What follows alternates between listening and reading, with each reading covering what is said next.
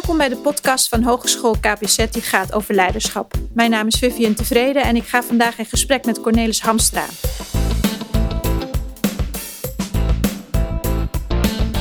Cornelis, ik heb van jou begrepen dat je predikant bent in een uh, koepelkerk in Arnhem en dat je hier uh, op KPZ een opleiding hebt gevolgd, regie en strategie.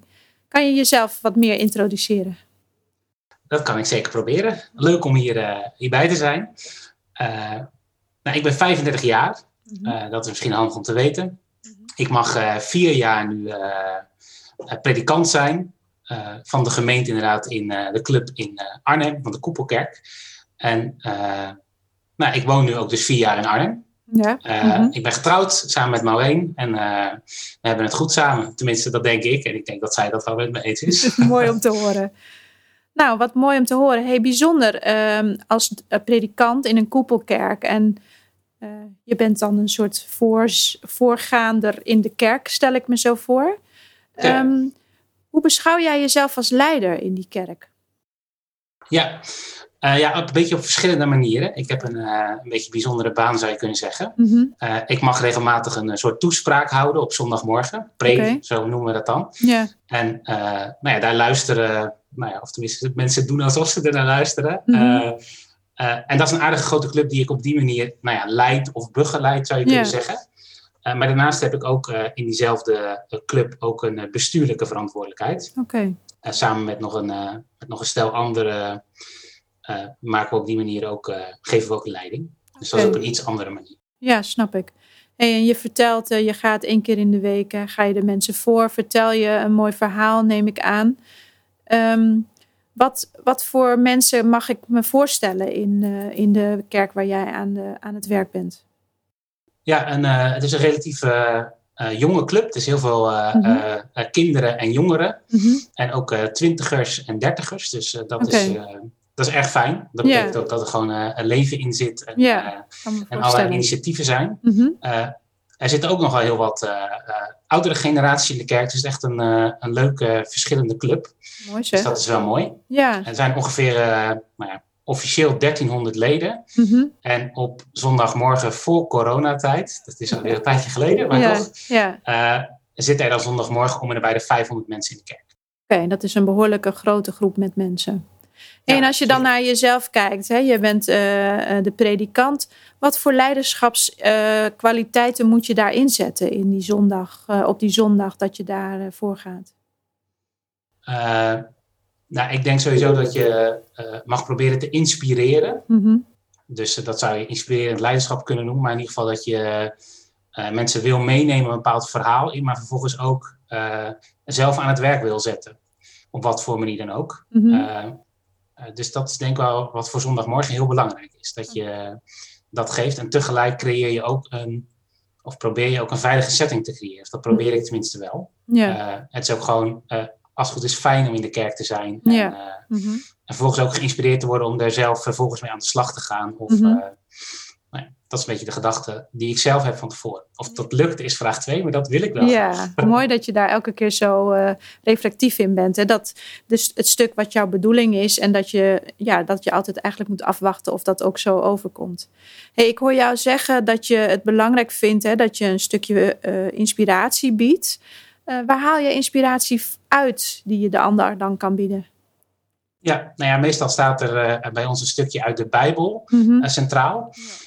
Uh, dus dan heb ik een, of een Bijbels verhaal gelezen waar ik dan een, uh, een week op, uh, op gekoud heb, zo noem ik dat dan altijd. Ja, dus dat je ja. aan het malen bent, op een mm -hmm. goede manier over het nadenken bent. Mm -hmm. en dat is een onderdeel van de inspiratie, komt daar vandaan. Nou, ja. Vervolgens heb ik ook heel wat gesprekken met mensen, ook in hele verschillende situaties. Dus soms Mhm. bij overlijden of richting overlijden. Mhm. Soms juist heel vrolijk als er een, een kindje geboren is of een huwelijk. Ja. Het zijn allemaal momenten waarop ik bij mag zijn. Mhm. En daarnaast volg ik natuurlijk ook gewoon het nieuws. Dus daar kan ook inspiratie vandaan komen. Okay. Uh, dus veel verschillende bronnen. Ja, kan me voorstellen. En daarnaast hoor ik je zeggen van, uh, nou, ik bied een stukje inspiratie en dan moet de ander vervolgens aan het, aan het werk gaan. Wat bedoel je daar precies mee? Ja, dat vroeg ik mezelf ook af toen ik dat zo zei. uh, ja, dat kan op heel veel verschillende manieren. Mm. En nu maken wij een, uh, een online kerkdienst in deze coronatijd. Oh, en dan mm -hmm. Kies ik er altijd voor om, nou ja, na de overdenking twee verwerkingsvragen Oh, ook te, mee te geven aan, Mhm. eh, aan de mensen die luisteren. Ja. Eh, en de ene keer kan dat daadwerkelijk een, een opdracht zijn van, Mhm. eh, nou ja, eh, stuur een kaartje naar iemand die bijvoorbeeld veel voor je heeft betekend de afgelopen week. Eh, en dat is dan een soort uitwerking van een van mijn centrale gedachten. Mhm. Eh, en een ander punt kan zijn, eh, hey, denk eens na over nou ja, deze vraag. Bijvoorbeeld als eh, nou, Jezus zegt het is beter om te, eh, eh, te geven Mhm. dan te ontvangen. Ja. Nou ja, dan is dat interessant. Hoe werkt het eigenlijk bij jou? Ben je het daarmee eens? Wat Ja, ja. gebeurt er met jou als je dit hoort? Ja. Nou, dan is dat dan een soort verwerking die mensen nou ja, kunnen doen, kunnen Ja. oppakken. Meer reflect- reflectieve vragen die een soort van samenhangen met hetgeen je als inspiratie hebt geboden. Kan ik het zo samenvatten? Dat doe je heel goed. Oh, Ja, zeker. Mooi. Hey, daarnaast eh, ehm, ben je natuurlijk in contact met KPZ gekomen omdat je hier een opleiding hebt gevolgd. Je hebt gekozen voor een, ja, wij noemen dat een herregistratiemodule regie en strategie met een mooi woord. Kan je iets vertellen over die opleiding en vooral wat het je gebracht heeft? Ja, eh, zeker. Eh, ik kan ook wel iets vertellen waarom ik überhaupt die... Het is een beetje Ja. gek misschien gezien Nou. mijn eh, werk dat ik überhaupt de, die opleiding ben gaan volgen. Nou, weet Eh. ik niet of ik het gek vind, maar ik ben benieuwd naar je verhaal daarover. Ja, eh, nou, ik, eh, ik had een gesprek met eh, iemand uit onze kerk. Ja. En die had die opleiding gevolgd. Die is eh, basisschooldirectrice en die vertelde mij over die opleiding. Ik dacht, hey, dit, dit past heel erg eigenlijk bij vragen die ik heb. Oké. Want ik probeer ook een leiding te geven met nou, een bestuur over Mhm. de kerk. Ja. En ik doe dat heel erg op intuïtie. Ik heb daar eigenlijk weinig onderwijs in gehad of Mhm. achtergrond van. Ja. En ik vond het eigenlijk wel heel fijn om dat wel een beetje te hebben. Mm. Eh, en deze sloot wel een beetje aan bij de vragen die ik had. Dus zo ben ik eh, eh, erin gerold. Ja, en. Martine, die de cursus gaf, die, nou, die stond ervoor open dat, Mm. dat ik ook meedeed. Want ik heb natuurlijk geen... ik heb een ander soort achtergrond. Mhm. Eh, en dat, dat, het, het leverde ook op wat ik had gehoopt. Dus wat ik daarvoor deed uit intuïtie, kan ik Mhm. nu veel meer... ik heb woorden voor de reflectie die ik Ah, mooi om te horen. eerst niet had. Ja. Dus dat helpt. Mhm. Ik vind het ook interessant dat je zegt van goh, Martine eh, was bereid om mij toe te laten. Ehm, wat was je voor eerste aanname dan dat wij vanuit onze organisatie dat minder snel zouden doen als je niet uit het onderwijs zou komen? Eh, nou ja, gezien wat er toen nog op de website stond, eh, Ja. was, dat, Hm. ja, was het logisch dat ik in principe niet per se in aanmerking zou komen. Ja. Het is natuurlijk ook een herregistratie van iets waar ik niet voor geregistreerd ben. Dus dat is, ja, dat is een Ja. beetje bijzonder natuurlijk. Eh, eh, en dus het worden eh, nu steeds minder eh, Hm. ook wel heel veel termen vanuit school snel gebruikt. Omdat dat natuurlijk de, Hm. eh, het, het standaard kader is, wat logisch is, waar de Mhm. registratie en herregistratie op gericht is. en tegelijk paste het heel goed bij het werk wat ik doe. Ook in het maatschappelijk vlak natuurlijk. Dus dat, dat, dat sloot eigenlijk heel goed aan. Mooi. Dat is mooi feedback voor ons. Want wij vinden het juist belangrijk dat we. Nou, we zijn van oorsprong een, een, een onderwijs, eh, hogeschool, maar proberen juist onze blik wat te verbreden naar andere sectoren en domeinen die allemaal te maken hebben met mensen en, en kinderen waarin gegroeid en ontwikkeld wordt. Dus ik vind deze feedback, eh, dank je wel daarvoor, dat wil ik even benoemen. Ja, Hey, daarnaast eh, hoorde ik jou zeggen dat je zei van ik had een bepaalde verwachting eh, van die opleiding en dat is ook eh, waarheid geworden. Welke verwachting had je precies? Eh, nou ja, ik had eh, de hoop dat ik eh, modellen aangereikt zou krijgen en woorden om te kunnen reflecteren op mijn eigen leidinggeven. Ja, En daar mogelijk ook dan nog wat stappen in te zetten. Of Mhm. nou ja, naar aanleiding van die evaluatie ook een betere leider te worden. Ja, precies. Ja, en dat is wel, nou, dat laatste weet ik niet of dat precies gelukt is, maar in ieder geval, ik heb wel meer woorden en eh, ik kan makkelijker reflecteren op Ja. leiderschapsstijlen die ik Ja. kan toepassen. ja, wat ik je net ook hoorde zeggen. En een betere leider, daar vraag je je bij af van ben ik een betere leider geworden? Kun je, kun je daar toch een beetje antwoord op geven misschien? Ik kan het proberen. Ik kan het proberen.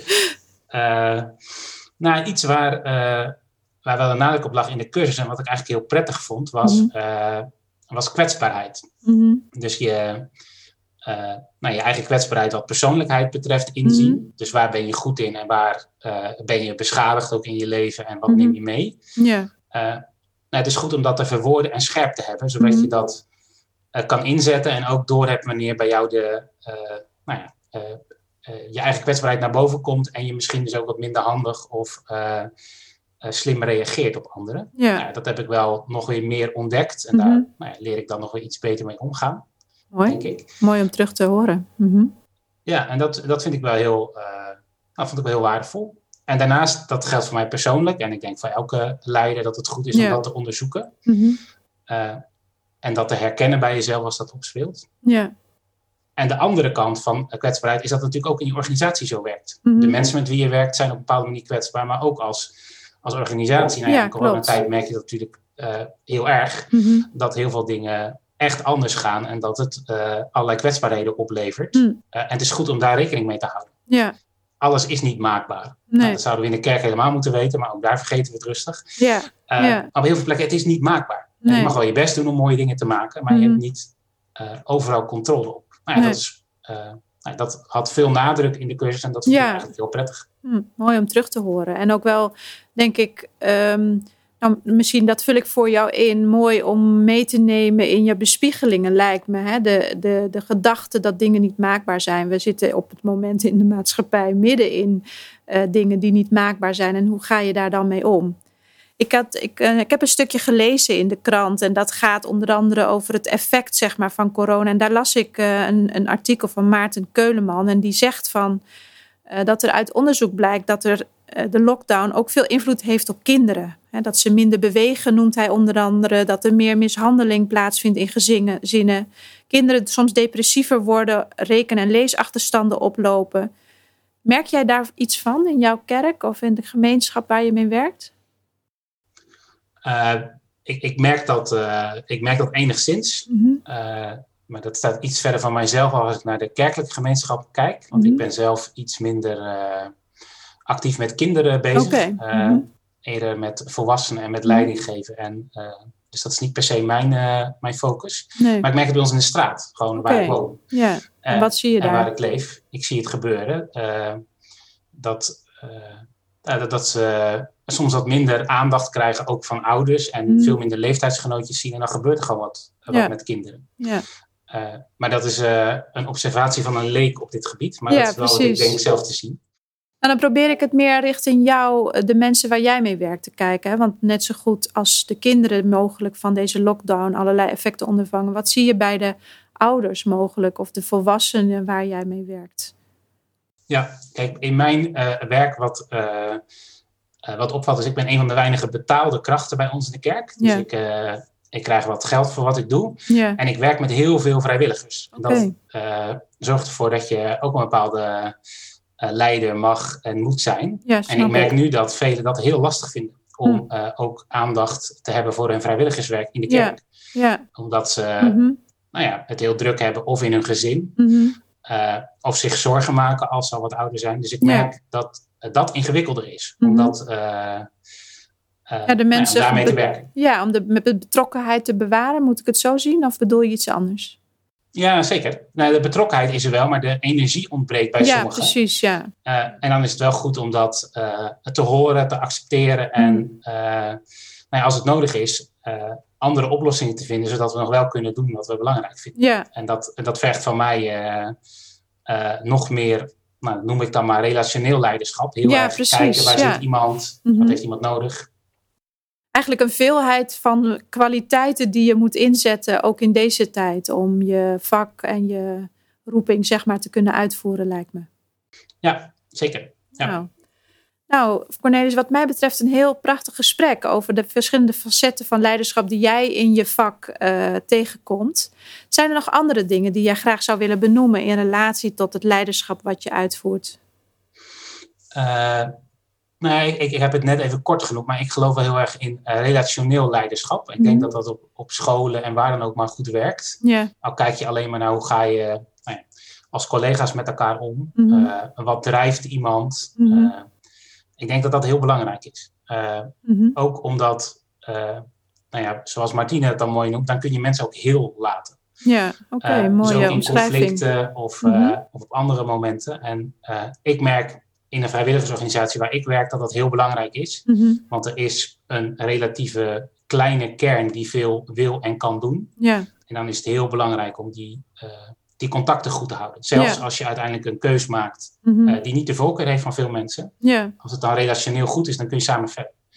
Dus daar, uh, daar zet ik erg op in, of probeer ik althans. Ja, mooi. Dat is ook wel een mooie afrondende opmerking. Hè? Je, kan een, je hebt eigenlijk verteld over verschillende dingen die jouw leiderschap behelzen. Namelijk uh, nou, dat je op een goede manier mensen wil meenemen, mensen wil inspireren, mensen wil laten nadenken.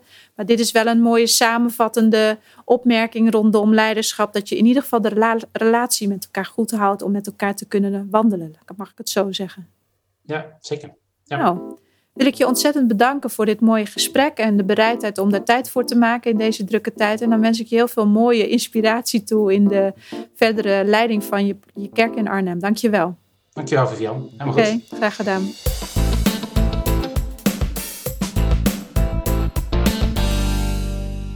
Bedankt voor het luisteren. En wil je meer weten, kun je terecht bij ons op de website kpz.nl. We gaan ook heel graag met je in gesprek. En wie weet zien we je dan in de volgende opleiding. Heel graag.